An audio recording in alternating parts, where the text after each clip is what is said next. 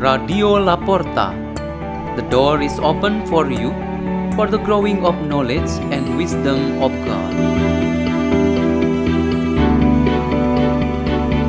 Delivered by Cecilia Liando from Maria Kusuma Carmel Parish, Archdiocese of Jakarta, Indonesia.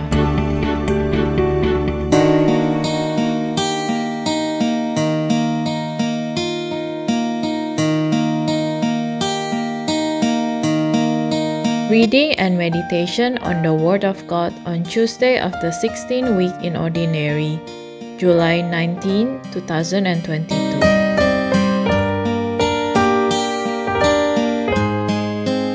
The reading is taken from the book of the prophet Micah. Shepherd your people with your staff, the flock of your inheritance, that dwells apart in a woodland in the midst of Carmel. Let them feed in Bashan and Gilead, as in the days of old, as in the days when you came from the land of Egypt. Show us wonderful signs. Who is there like you, the God who removes guilt and pardons sin for the remnant of his inheritance? Who does not persist in anger forever, but delights rather in clemency, and will again have compassion on us treading underfoot our guilt. You will cast into the depths of the sea all of our sins. You will show faithfulness to Jacob and grace to Abraham, as you have sworn to our fathers from days of old. The word of the Lord.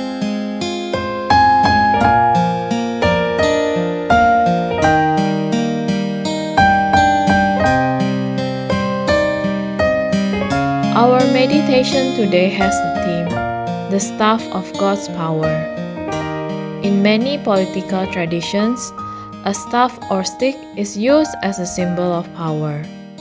We remember Moses, who used a staff to show that the power of God was at work in him when he was in the position to lead the people of God to where the Lord led them.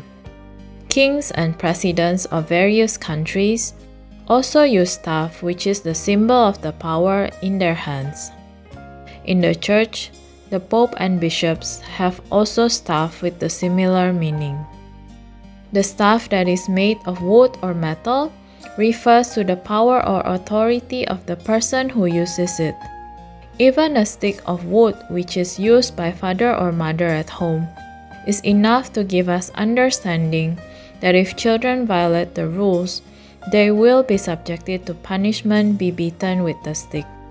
Seeing what this staff or stick signifies, now we can further understand why in the scriptures God always reveals His power through the symbolic staff being used by His chosen figures who had so important duty to do His works.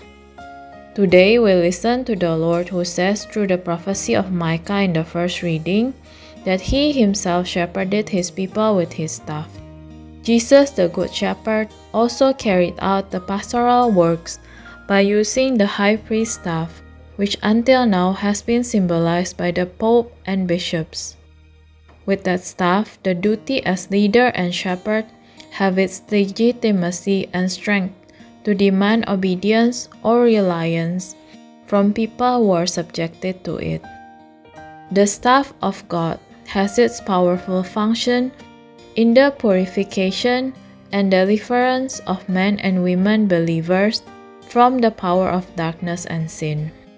Satan, the ruler of darkness, when confronted with the power of God that is symbolized by the staff, he will fall trembling and fear.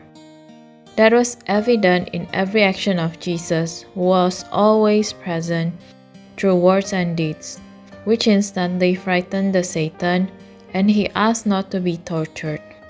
This is the role of the staff of God, that is to cast all our sins and to be thrown into the sea, says the prophet Micah.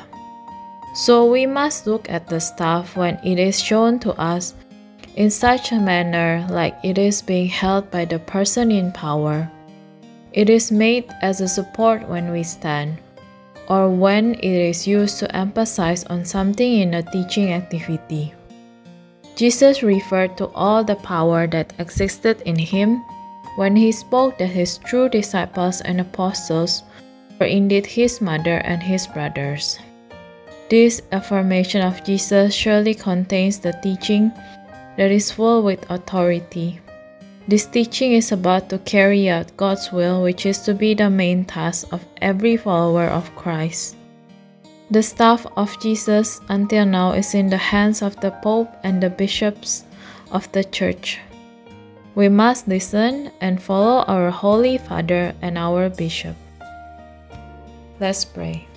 In the name of the Father, and of the Son, and of the Holy Spirit. Amen.